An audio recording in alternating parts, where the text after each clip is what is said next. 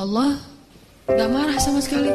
Bahkan ketika kita melakukan dosa, diam-diam di malam hari tidak ada yang melihat kecuali Allah kemudian cuma satu malaikat yang mencatat. Allah Subhanahu wa taala berbisik kepada malaikat itu. Jangan catat dulu. Mungkin besok dia akan bertobat. Dan jangan kabarkan ini kepada malaikat yang lain. Allah kalau kita buat dosa diam-diam, Allah tutupi aib kita. Nggak mau ngasih tahu kepada yang lain. Tapi begitu kita taubat, Allah langsung mengatakan, wahai para malaikat, lihat hambaku itu, dia bertaubat. Giliran kita beramal soleh, Allah umumkan. Giliran kita buat dosa, Allah diam aja. Allah kasih masalah buat kita, karena Allah pengen banget ngampunin dosa-dosa kita.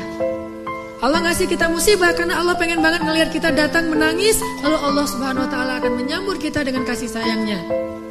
Halumu ilayya ya abdi. Datang ke sini wahai hamba-hambaku. Begitu